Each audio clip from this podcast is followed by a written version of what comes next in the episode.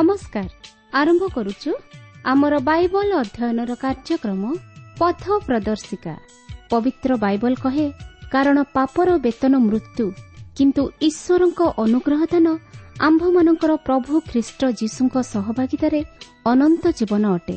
ଆସନ୍ତୁ ସେହି ମୃତ୍ୟୁର ଭୟରୁ ରକ୍ଷା ପାଇ ଅନନ୍ତ ଜୀବନର ଅଧିକାରୀ ହେବା ନିମନ୍ତେ ଶୁଣିବା ବେତାର କାର୍ଯ୍ୟକ୍ରମ ପଥ ପ୍ରଦର୍ଶିକା।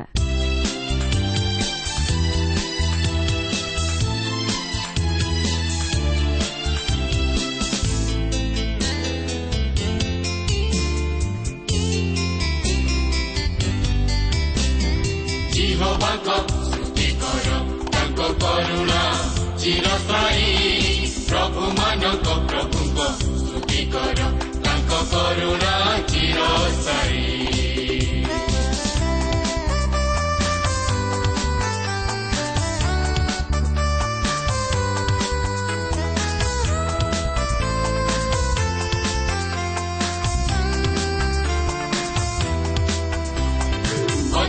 ଅଦ୍ୟାବଧି ବହିଲେ ସ୍ତୁତି କର ତାଙ୍କ କରୁଣା ଚିରସ୍ଥାୟୀ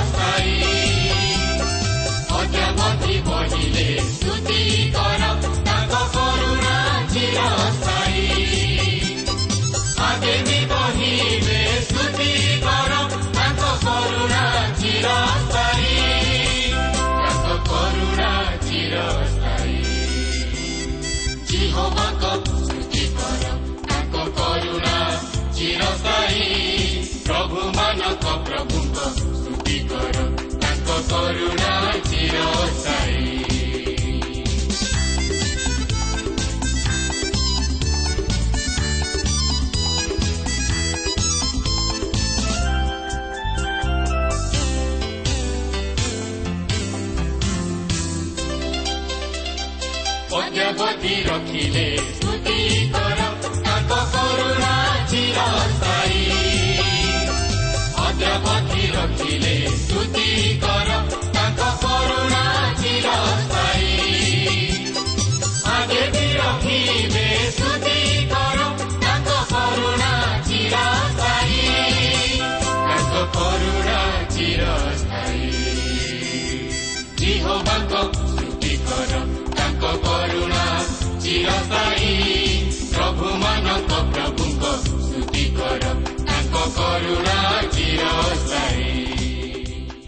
ପ୍ରିୟ ଶ୍ରୋତା ବନ୍ଧୁ ଆଜିର ଏହି ଶୁଭ ଅବସରରେ ଆମମାନଙ୍କର ସୃଷ୍ଟିକର୍ତ୍ତା ତଥା ଉଦ୍ଧାରକର୍ତ୍ତା ପ୍ରଭୁ ଯୀଶୁଖ୍ରୀଷ୍ଟଙ୍କ ବହୁମୂଲ୍ୟ ନାମରେ ଶୁଭେଚ୍ଛା ଜଣାଏ ଆଜିର ଏହି ପଥ ପ୍ରଦର୍ଶିକା କାର୍ଯ୍ୟକ୍ରମକୁ ଆପଣଙ୍କୁ ସ୍ୱାଗତ ଜଣାଏ ଆପଣ ଆପଣଙ୍କର ବହୁମୂଲ୍ୟ ସମୟ ଦେଇ ଆଜିର ଏହି କାର୍ଯ୍ୟକ୍ରମ ଶୁଣିବା ନିମନ୍ତେ ରେଡିଓ ପାଖରେ ଅପେକ୍ଷା କରି ବସିଥିବାର ଜାଣି ଆମେ ବିଶେଷ ଖୁସି କେବଳ ସେତିକି ନୁହେଁ ଆପଣଙ୍କର ହୃଦୟସ୍ପର୍ଶୀ ସାକ୍ଷ୍ୟ ନିମନ୍ତେ ବିଶେଷ ଧନ୍ୟବାଦ ପ୍ରଭୁ ଆପଣଙ୍କୁ ଆଶୀର୍ବାଦ କରନ୍ତୁ ଓ ଆହୁରି ଆହୁରି ଆତ୍ମିକ ଜୀବନରେ ବର୍ଦ୍ଧିଷ୍ଣୁ କରାନ୍ତୁ ବାସ୍ତବରେ ଯେଉଁମାନେ ପ୍ରଭୁଙ୍କର ବାକ୍ୟ ବିଷୟରେ ମନୋଯୋଗୀ ପ୍ରଭୁ ମଧ୍ୟ ସେମାନଙ୍କ ବିଷୟରେ ମନୋଯୋଗୀ।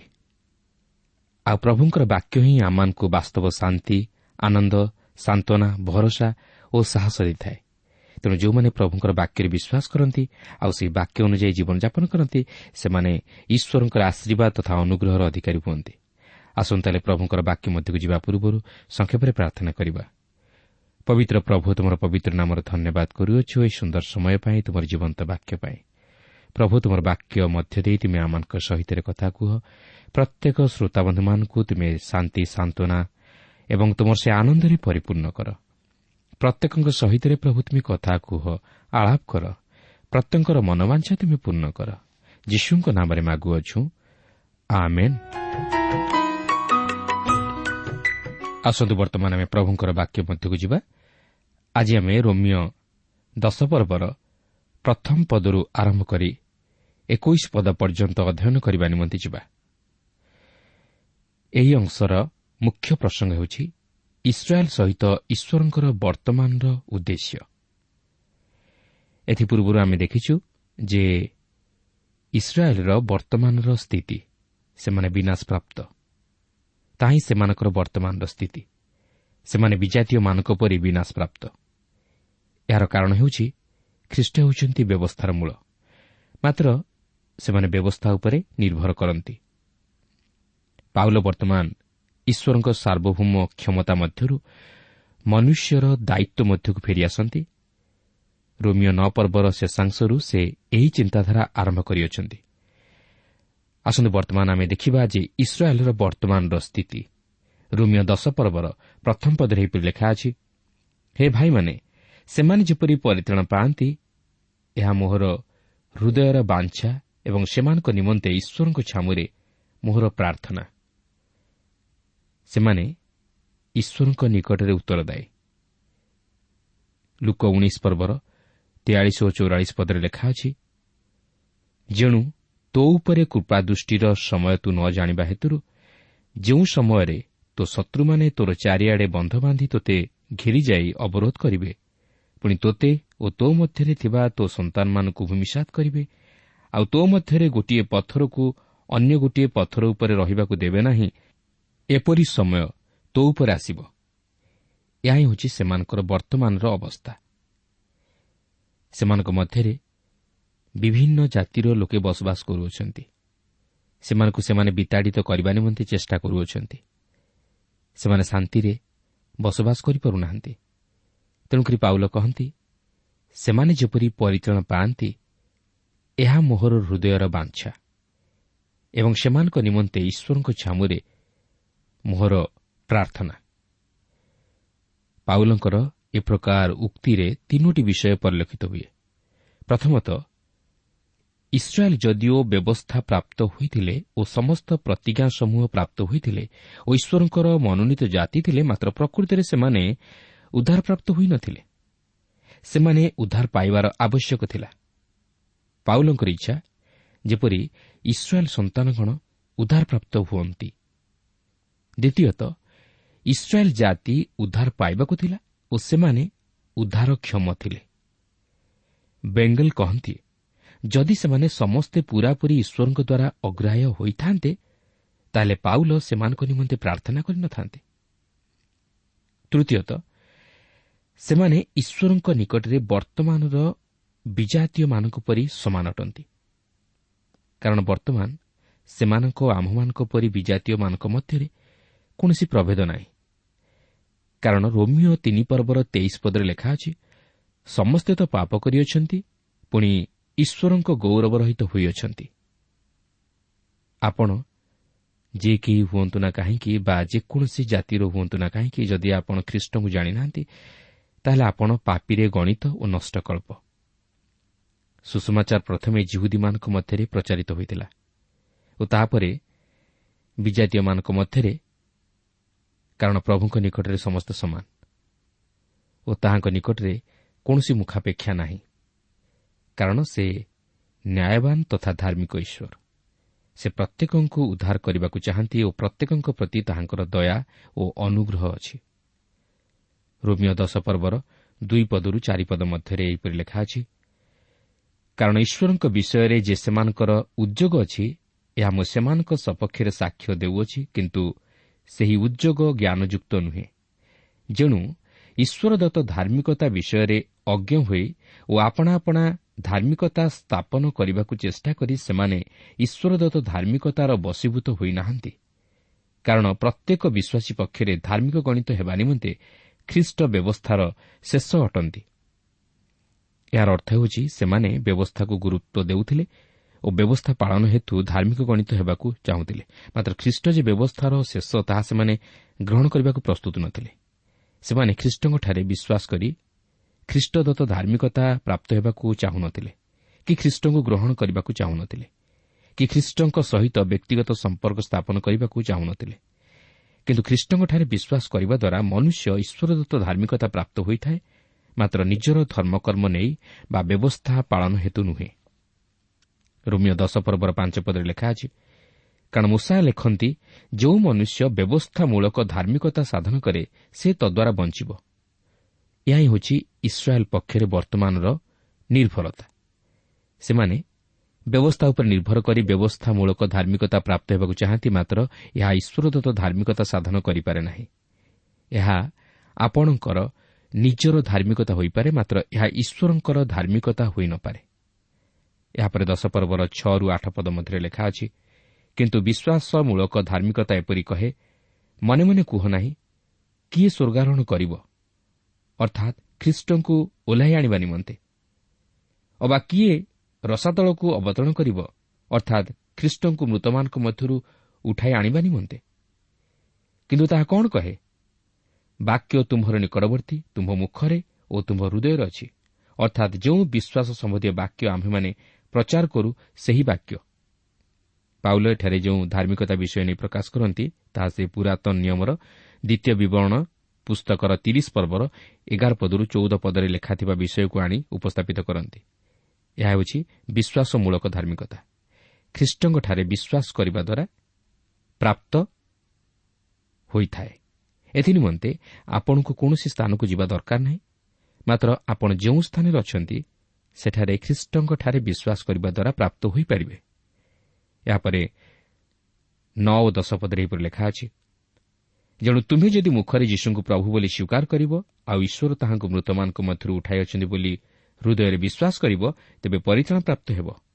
କାରଣ ଧାର୍ମିକତା ପ୍ରାପ୍ତି ନିମନ୍ତେ ମନୁଷ୍ୟ ହୃଦୟରେ ବିଶ୍ୱାସ କରେ ଓ ପରିଚାଳନା ପ୍ରାପ୍ତି ନିମନ୍ତେ ମୁଖରେ ସ୍ୱୀକାର କରେ। ଏହା ପ୍ରକାଶ୍ୟ ଭାବରେ ସ୍ୱୀକାରୋକ୍ତିକୁ ବୁଝାଏ ନାହିଁ। ଏହା ଏକ ସ୍ୱୀକାରୋକ୍ତି ଓ ଜୀବନ ମଧ୍ୟରେ ଥିବା ଏକ ରାଜିନାମାକୁ ପ୍ରକାଶ କରେ। ଏହା ମୁଖ ଓ ହୃଦୟର ଏକ ରାଜିନାମା। ଅର୍ଥାତ୍ ହୃଦୟ ଯାହା ବିଶ୍ୱାସ କରେ ମୁଖ ତାହା ହିଁ ପ୍ରକାଶ କରେ ହୃଦୟର ଚିନ୍ତାଧାରା ଓ ମୁଖର ସ୍ୱୀକାରୋକ୍ତି ମଧ୍ୟରେ ଥିବା ସମନ୍ୱୟ। ତେବେ ସେହି ବିଶ୍ୱାସ କ'ଣ? ପ୍ରଭୁ ଯୀଶୁ ଖ୍ରୀଷ୍ଟଙ୍କ ମୃତ୍ୟୁ ଓ ପୁନରୁତ୍ଥାନରେ ବିଶ୍ୱାସ କରିବା। ସେଥିପାଇଁ ରୋମିଓ ଚାରିପର୍ବର ପଚିଶ ପଦରେ ଲେଖା ଅଛି ସେହି ଯୀଶୁ ଆମମାନଙ୍କ ଅପରାଧ ନିମନ୍ତେ ସମର୍ପିତ ହେଲେ ପୁଣି ଆମ୍ଭେମାନେ ଧାର୍ମିକ ଗଣିତ ହେବା ନିମନ୍ତେ ଉତ୍ଥାପିତ ହେଲେ। ଏହାପରେ ଏଗାର ପଦରେ ଲେଖା ଅଛି ଯେଣୁ ଶାସ୍ତ୍ର କହେ ଯେ କେହି ତାହାଙ୍କଠାରେ ବିଶ୍ୱାସ କରେ ସେ ଲଜ୍ଜିତ ହେବ ନାହିଁ। ପାଉଲଠାରେ ବିଶ୍ୱାସମୂଳକ ଧାର୍ମିକତାକୁ ଉପସ୍ଥାପିତ କରନ୍ତି ଯାହାକି ସେ ଏଥିପୂର୍ବରୁ ଧାର୍ମିକତା ବିଷୟ ନେଇ ପ୍ରକାଶ କରିଅଛନ୍ତି। କିନ୍ତୁ ସେ ଏଠାରେ ଜିସାଏ ପୁସ୍ତକ ଅଠେଇଶ ପର୍ବର ଷୋହଳ ପଦକୁ ଆଣି ଉପସ୍ଥାପିତ କରିବାର ଅର୍ଥ ହେଉଛି ଏହି ବିଶ୍ୱାସମୂଳକ ଧାର୍ମିକତା ବିଷୟ ନେଇ ପୁରାତନ ନିୟମର ଅନ୍ୟାନ୍ୟ ଅଂଶରେ ଯେ ଶିକ୍ଷା ଦିଆଯାଇଅଛି ତାହା ଜଣାଇଦେବା ନିମନ୍ତେ। ଏହି ରୋମିଓ ଦଶ ପର୍ବର ଏଗାର ପଦରେ ପରିତାଣ ଯେ ପ୍ରତ୍ୟେକଙ୍କ ନିମନ୍ତେ ଈଶ୍ୱରଙ୍କର ଅନୁଗ୍ରହର ଦାନ ତାହା ସ୍ପଷ୍ଟ କରିଦିଆଯାଇଅଛି ଏହାପରେ ବାରପଦରେ ଲେଖା ଅଛି କାରଣ ଜିହୁଦୀ ଓ ଗ୍ରୀକ୍ ମଧ୍ୟରେ କିଛି ପ୍ରଭେଦ ନାହିଁ। ଯେଣୁ ସମସ୍ତଙ୍କର ତ ଏକ ପ୍ରଭୁ ଆଉ ଯେତେ ଲୋକ ତାହାଙ୍କ ନିକଟରେ ପ୍ରାର୍ଥନା କରନ୍ତି ସେ ସମସ୍ତଙ୍କ ପ୍ରତି ସେ ଅନୁଗ୍ରହର ନିଧି ସ୍ୱରୂପ। ଜିହୁଦୀ ଓ ଗ୍ରୀକ୍ ମଧ୍ୟରେ ଅର୍ଥାତ୍ ବିଜାତୀୟମାନଙ୍କ ମଧ୍ୟରେ କୌଣସି ପ୍ରଭେଦ ନାହିଁ। କାରଣ ସମସ୍ତେ ପାପ କରିଅଛନ୍ତି ଓ ଈଶ୍ୱରଙ୍କ ଗୌରବ ରହିତ ହୋଇଅଛନ୍ତି। ତେଣୁ ପ୍ରତ୍ୟେକଙ୍କୁ ସେହି ଖ୍ରୀଷ୍ଟଙ୍କ ନିକଟକୁ ଆସିବାକୁ ହେବ ଓ ଉଦ୍ଧାର ପାଇବାକୁ ହେବ। ସେଥିପାଇଁ ପ୍ରଭୁ ଯୀଶୁ କହନ୍ତି ମୋ ଦେଇ ନ ଗଲେ କେହି ପିତାଙ୍କ ନିକଟକୁ ଯାଇପାରେ ନାହିଁ। ଆପଣ ବ୍ୟବସ୍ଥା ଅନୁଯାୟୀ ପିତା ଈଶ୍ୱରଙ୍କ ନିକଟବର୍ତ୍ତୀ ହୋଇପାରିବେ ନାହିଁ କିମ୍ବା ମୂଷାଙ୍କ ବ୍ୟବସ୍ଥା ଅନୁଯାୟୀ ଯାଇପାରିବେ ନାହିଁ। ପରିତାଣ ପ୍ରତ୍ୟେକଙ୍କ ନିମନ୍ତେ ଈଶ୍ୱରଙ୍କର ଅନୁଗ୍ରହର ଦାନ ଓ ତାହା ବିଶ୍ୱାସ ଦ୍ୱାରା ପ୍ରାପ୍ତ ହୋଇଥାଏ। ତେଣୁ ସୁଷମାଚାର ଶୁଣନ୍ତୁ ଓ ତହିଁରେ ବିଶ୍ୱାସ କରନ୍ତୁ। ବର୍ତ୍ତମାନର ପରିତାଣ ଉଭୟ ଜିହୁଦୀ ଓ ବିଜାତୀୟମାନଙ୍କ ନିମନ୍ତେ ଯାହାକି ଆମେ ଏହି ଦଶ ପର୍ବର ତେର ପଦରୁ ଏକୋଇଶ ପଦ ମଧ୍ୟରେ ଲକ୍ଷ୍ୟ କରିବାକୁ ପାରିବା। ଦଶ ପର୍ବର ତେର ପଦରେ ଏହିପରି ଲେଖା ଅଛି କାରଣ ଯେ କେହି ପ୍ରଭୁଙ୍କ ନାମ ଧରି ପ୍ରାର୍ଥନା କରିବ ସେ ପରିତାଣ ପ୍ରାପ୍ତ ହେବ। ଏହା ଏକ ଚମତ୍କାର ଉକ୍ତି ଯାହାକି ପାଉଲ ପୁରାତନ ନିୟମର ଜୋଏଲ୍ ପୁସ୍ତକ ଦୁଇ ପର୍ବର ବତିଶ ପଦରୁ ଆଣି ଏ ସ୍ଥାନରେ ଉପସ୍ଥାପିତ କରିଅଛନ୍ତି ଯାହାକି ପରିତାଣ ଯେ ବିଶ୍ୱାସ ଦ୍ୱାରା ପ୍ରାପ୍ତ ହୁଏ ପାଉଲଙ୍କର ଏହି ଯୁକ୍ତିକୁ ଦୃଢ଼ କରେ। ଏହା ପ୍ରକାଶ କରେ ଯେ ଉଭୟ ଜିହୁଦୀ ଓ ବିଜାତୀୟମାନେ ପ୍ରଭୁ ଯୀଶୁଙ୍କଠାରେ ବିଶ୍ୱାସ କରି ପରିତାଣ ପ୍ରାପ୍ତ ହେବା ଉଚିତ କାରଣ ପରିତାଣ ସମଗ୍ର ମାନବ ଜାତି ପ୍ରତି ଈଶ୍ୱରଙ୍କର ଅନୁଗ୍ରହର ଦାନ। ଏହାପରେ ଦଶ ପର୍ବର ଚଉଦରୁ ପନ୍ଦର ପଦ ମଧ୍ୟରେ ଲେଖା ଅଛି ତେବେ ଯାହାଙ୍କୁ ସେମାନେ ବିଶ୍ୱାସ କରିନାହାନ୍ତି ତାହାଙ୍କ ନିକଟରେ କିପରି ପ୍ରାର୍ଥନା କରିବେ? ପୁଣି ଯାହାଙ୍କ କଥା ସେମାନେ ଶୁଣିନାହାନ୍ତି କିପରି ତାହାଙ୍କଠାରେ ବିଶ୍ୱାସ କରିବେ? ଆଉ ପ୍ରଚାରକ ବିନା ସେମାନେ କିପରି ଶୁଣିବେ? ପୁଣି ପ୍ରେରିତ ନ ହେଲେ କିପରି ପ୍ରଚାର କରିବେ? ଯେପରି ଲେଖା ଅଛି ଯେଉଁମାନେ ଶୁଭ ବିଷୟର ସୁଷମାଚାର ଆଣନ୍ତି ସେମାନଙ୍କର ପାଦ କିପରି ଶୋଭାଯୁକ୍ତ? ଏହି ଅଂଶଟିର ଗୁରୁତ୍ୱପୂର୍ଣ୍ଣ ବିଷୟକୁ ବୁଝିବାକୁ ହେଲେ ପ୍ରେରିତ ପାଉଲଙ୍କର ସ୍ଥିତିକୁ ପ୍ରଥମେ ବୁଝିବାକୁ ହେବ। ପ୍ରଥମତଃ ଜିହୁଦୀମାନେ ଅର୍ଥାତ୍ ତାହାଙ୍କର ନିଜ ଲୋକମାନେ ତାଙ୍କୁ ଘୃଣା କଲେ। ଯଦିଓ ପାଉଲ ଜଣେ ଫାରୁସି ବୋଲି ପରିଚିତ ଥିଲେ ଦ୍ୱିତୀୟତଃ ସେମାନେ ତାଙ୍କର ସୁଷମାଚାରକୁ ଅଗ୍ରାହ୍ୟ କଲେ ଯେହେତୁ ତାହା ମୂଷାଙ୍କର ବ୍ୟବସ୍ଥାକୁ ସ୍ଥାନ ଦେଇନଥିଲା ତୃତୀୟତଃ ପାଉଲ ଖ୍ରୀଷ୍ଟ ଯୀଶୁଙ୍କ ଦ୍ୱାରା ଆହୁତ ପ୍ରେରିତ ଥିଲେ ଓ ସେ କହନ୍ତି ଯେଉଁମାନେ ପ୍ରେରିତ ସେମାନେ ଈଶ୍ୱରଙ୍କଠାରୁ ତହିଁର ପ୍ରମାଣପତ୍ର ପାଇବା ଉଚିତ। ତେବେ ସେ ଏହି ସମସ୍ତ ବିଷୟ ପ୍ରକାଶ କରିବାର ଅର୍ଥ ହେଉଛି ଯେ ସେ ବିଶ୍ୱାସ ଉପରେ ଗୁରୁତ୍ୱାରୋପ କରନ୍ତି ଏବଂ ଗୁରୁତ୍ୱ ଦେବାକୁ ଚାହାନ୍ତି। ଏହିସବୁର ମୂଳରେ ହେଉଛି ବିଶ୍ୱାସ। ସେମାନେ ଯେପରି ଶୁଣି ବିଶ୍ୱାସ କରନ୍ତି। ପାଉଲ ଏହାକୁ ସ୍ପଷ୍ଟ କରିବାକୁ ଯାଇ ଜିସାୟ ବାବନ ପର୍ବର ସାତ ପଦଟିକୁ ଆଣି ଉପସ୍ଥାପିତ କରନ୍ତି ଯାହାକି ପ୍ରକାଶ କରେ ଯେଉଁ ଜନ ସୁଷମାଚାର ଆଣୁଅଛି ଯେ ଶାନ୍ତି ପ୍ରଚାର କରୁଅଛି ଯେ ମଙ୍ଗଳର ସୁଷମାଚାର ଆଣୁଅଛି ଯେ ପରିତ୍ରାଣ ପ୍ରଚାର କରୁଅଛି ଯେ ସିଓନକୁ ତୁମ୍ଭ ପରମେଶ୍ୱର ରାଜ୍ୟ କରନ୍ତି ବୋଲି କହୁଅଛି ତାହାର ଚରଣ ପର୍ବତଗଣର ଉପରେ କିପରି ଶୋଭା ପାଏ? ଦେଖନ୍ତୁ ଏହି ଅଂଶଟି ଜିସାୟ ତେପନ ପର୍ବର ବିଷୟବସ୍ତୁ ଆଡ଼କୁ କଢ଼ାଇ ନିଏ ଯାହାକି ପ୍ରଭୁ ଯୀଶୁଖ୍ରୀଷ୍ଟଙ୍କର କୃଷି ମୃତ୍ୟୁ ଓ ପୁନରୁତ୍ଥାନକୁ ଭାବାଣୀ ଆକାରରେ ପ୍ରକାଶ କରେ।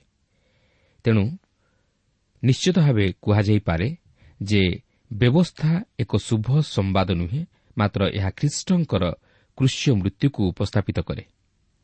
ଆଜି ରେଡିଓ ମାଧ୍ୟମରେ ଏହି ଶୁଭ ସମ୍ବାଦ ପ୍ରଚାରିତ ହେଉଅଛି ଯେପରି ସମସ୍ତେ ପ୍ରଭୁ ଯୀଶୁଙ୍କର ମୃତ୍ୟୁ ଓ ପୁନରୁତ୍ଥାନରେ ବିଶ୍ୱାସ କରି ପାପରୁ ଉଦ୍ଧାରପ୍ରାପ୍ତ ହୁଅନ୍ତି।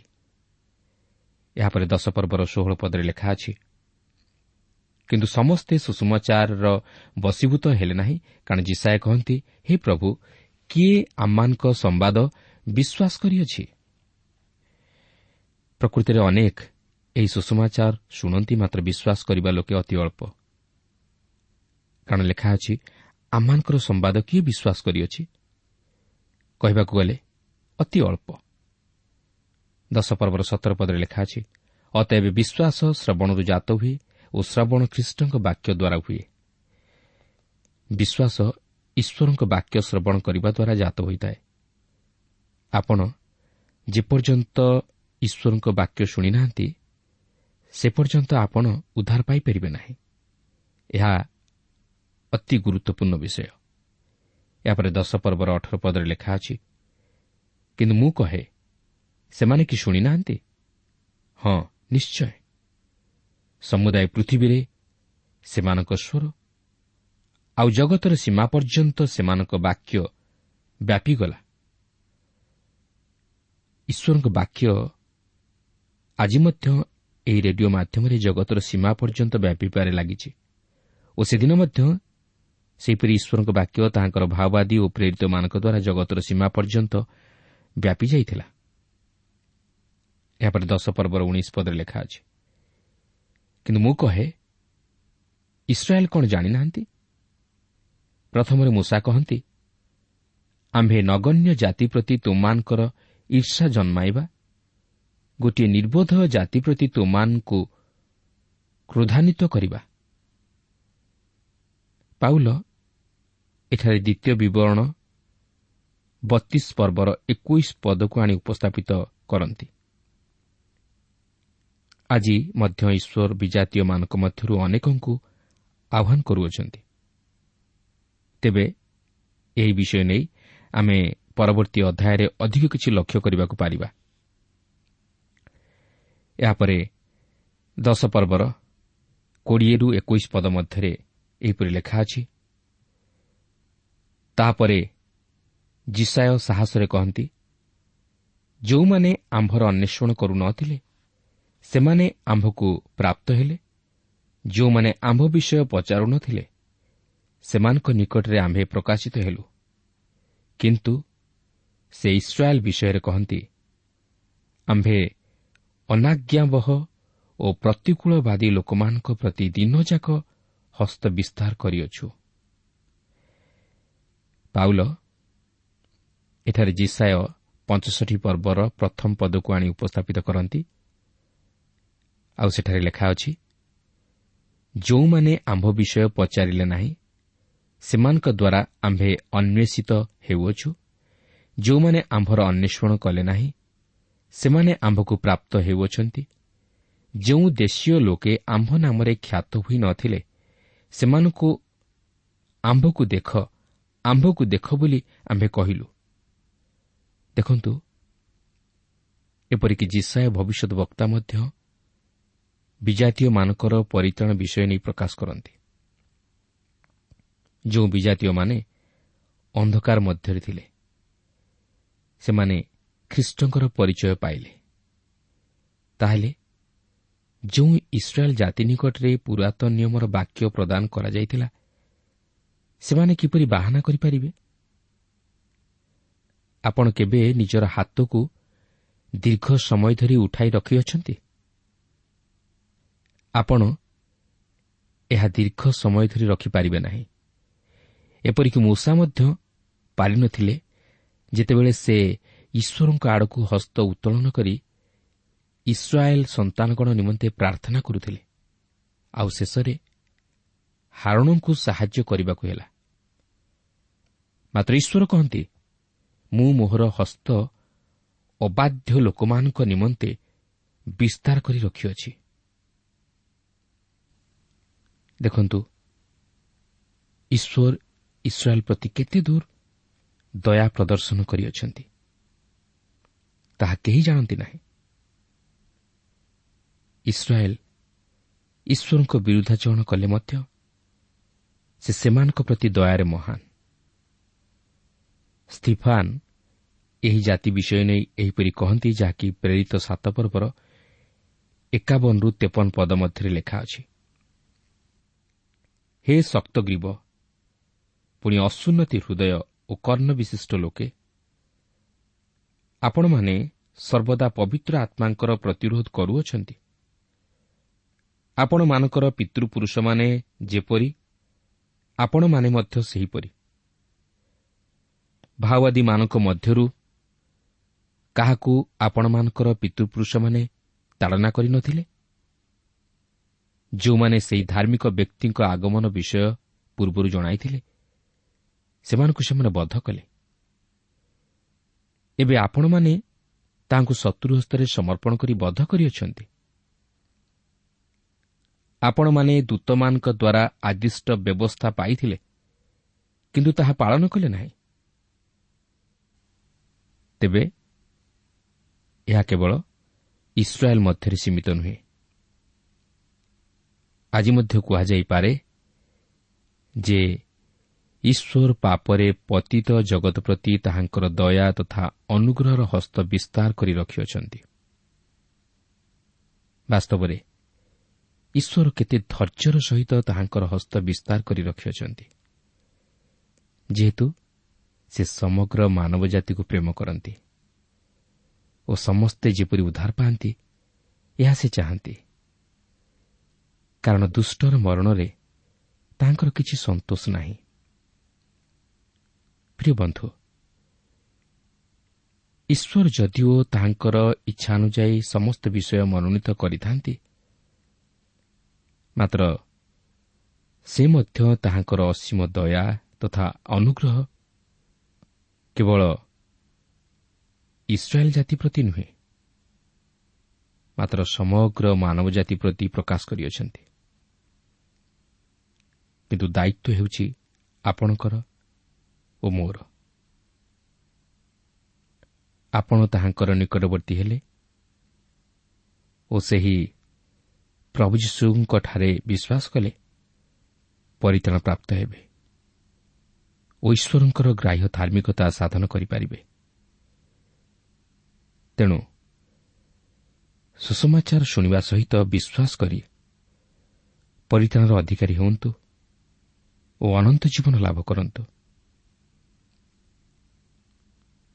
ପ୍ରିୟ ବନ୍ଧୁ ପ୍ରଭୁ ଚାହାନ୍ତି ନାହିଁ କେହି ହେଲେ ପାପରେ ବି ନଷ୍ଟ ହୁଅନ୍ତୁ। ସେ ସମସ୍ତଙ୍କୁ ଉଦ୍ଧାର କରିବା ପାଇଁ ଚାହାନ୍ତି। କାରଣ ସେ ସମସ୍ତଙ୍କୁ ପ୍ରେମ କରନ୍ତି। ସେ ଯେ କେବଳ ଇସ୍ରାଏଲ୍ ଜାତିର ଈଶ୍ୱର ତାହା ନୁହେଁ ସେ ଆଜି ସମଗ୍ର ମାନବ ଜାତିର ଈଶ୍ୱର। ସେ ସମଗ୍ର ମାନବ ଜାତି ନିମନ୍ତେ ଆପଣାର ପ୍ରାଣ ଦେଇଅଛନ୍ତି। ଆପଣାର ପବିତ୍ର ରକ୍ତ କୃଷରେ ଢାଳି ଅଛନ୍ତି ଜୋହନ ତିନି ପର୍ବର ଷୋହଳ ପଦରେ ଲେଖା ଅଛି କାରଣ ଈଶ୍ୱର ଜଗତକୁ ଏଡ଼େ ପ୍ରେମ କଲେ ଯେ ସେ ଆପଣାର ଅଦ୍ୱିତୀୟ ପୁତ୍ରଙ୍କୁ ଦାନ କଲେ। ଯେପରି ଯେ କେହି ତାହାଙ୍କଠାରେ ବିଶ୍ୱାସ କରେ ସେ ବିନଷ୍ଟ ନ ହୋଇ ଅନନ୍ତ ଜୀବନ ପ୍ରାପ୍ତ ହୁଏ। ପ୍ରିୟ ବନ୍ଧୁ ଈଶ୍ୱରଙ୍କର ପ୍ରେମ କେବେ ହେଲେ ଉଣା ହୋଇନାହିଁ ସେ ତାହାଙ୍କର ମନୋନୀତ ଜାତି ଇସ୍ରାଏଲ୍କୁ ଯେଉଁପରି ଭାବରେ ପ୍ରେମ କରନ୍ତି ଆଜି ଆମମାନଙ୍କୁ ମଧ୍ୟ ସମଗ୍ର ମାନବ ଜାତିକୁ ମଧ୍ୟ ସେହିପରି ଭାବରେ ପ୍ରେମ କରନ୍ତି। ଆଉ ସେ ସମଗ୍ର ମାନବ ଜାତିକୁ ପାପରୁ ଉଦ୍ଧାର କରିବା ପାଇଁ ଚାହାନ୍ତି। ସମସ୍ତଙ୍କୁ ସେହି ଅନନ୍ତ ଜୀବନ ଦେବା ପାଇଁ ଚାହାନ୍ତି। ସମସ୍ତଙ୍କୁ ସେହି ସ୍ୱର୍ଗୀୟ ଶାନ୍ତି ଆନନ୍ଦ ଦେବା ପାଇଁ ଚାହାନ୍ତି। ଆମମାନେ ଭାବିବା ଉଚିତ ନୁହେଁ ଯେ ଈଶ୍ୱର କେବଳ ଇସ୍ରାଏଲ୍ର ଈଶ୍ୱର କିନ୍ତୁ ସେ ସମଗ୍ର ମାନବ ଜାତିର ଈଶ୍ୱର। ପ୍ରିୟ ବନ୍ଧୁ ଈଶ୍ୱର ଆଜି ଆପଣଙ୍କୁ ମଧ୍ୟ ଆହ୍ୱାନ ଦିଅନ୍ତି। ତାହାଙ୍କର ନିକଟବର୍ତ୍ତୀ ହେବା ପାଇଁ ତାହାଙ୍କଠାରେ ନିଜର ଜୀବନକୁ ସମର୍ପଣ କରିବା ପାଇଁ ପ୍ରଭୁ ଶ୍ରୀଖ୍ରୀଷ୍ଟଙ୍କ ନିକଟ ନିଜର ପାପ ସବୁ ସ୍ୱୀକାର କରିବା ପାଇଁ। ତେଣୁ ଆସୁ ସୁଯୋଗର ସଦ୍ବ୍ୟବହାର କରି ସେହି ପ୍ରଭୁ ଶ୍ରୀଖ୍ରୀଷ୍ଟଙ୍କଠାରେ ନିଜର ସମସ୍ତ ପାପ ସ୍ୱୀକାର କରି କ୍ଷମା ମାଗି ଅନନ୍ତ ଜୀବନର ଅଧିକାରୀ ହେଉ। ପ୍ରଭା ପ୍ରତ୍ୟେକଙ୍କୁ ଏହି ସଂକ୍ଷିପ୍ତ ଆଲୋଚନା ମଧ୍ୟ ଦେଇ ଆଶୀର୍ବାଦ କରନ୍ତୁ।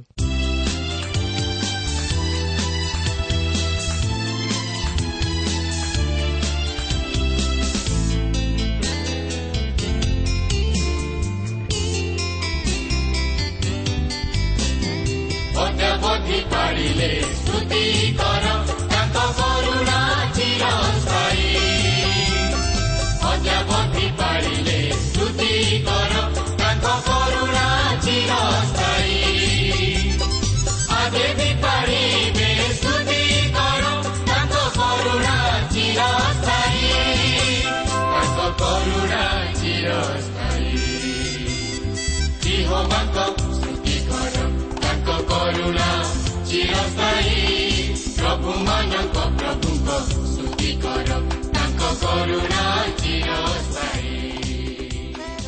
ପ୍ରିୟ ଶ୍ରୋତା ଆପଣ ଈଶ୍ୱରଙ୍କ ବାକ୍ୟ ଶୁଣିବା ନିମନ୍ତେ ସମୟ ଦେଇଥିବାରୁ ଆମେ ଧନ୍ୟବାଦୀ।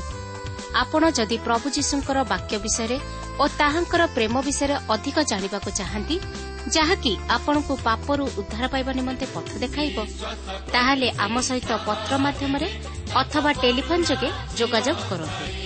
ଆମର ଠିକଣା ପଥ ପ୍ରଦର୍ଶିକା trans world radio India post box number ତିନି ତିନି ଭୁବନେଶ୍ୱର ସାତ ପାଞ୍ଚ ଏକ ଶୂନ ଶୂନ ଏକ। Mobile number nine seven double seven double two one four one five. ଠିକଣାଟି ଆଉଥରେ ଶୁଣନ୍ତୁ। ପଥ ପ୍ରଦର୍ଶିକା trans world radio India post box number three three Bhubaneswar seven five one zero zero one. Mobile number nine seven double seven double two one four one five ଆମର email ଆଡ୍ରେସ୍ଟି ଲେଖି ରଖନ୍ତୁ Odia TV at radio eight eight two dot com ତେବେ ଆଜି ପାଇଁ ଏଠାରେ ରଖୁଛୁ ପ୍ରଭୁ ଯୀଶୁ ଆପଣଙ୍କୁ ଆଶୀର୍ବାଦ କରନ୍ତୁ ନମସ୍କାର ବିଶ୍ୱାସ କଲେ ସେ ତାଙ୍କ କରୁଣା ଚିରସ୍ଥାୟୀ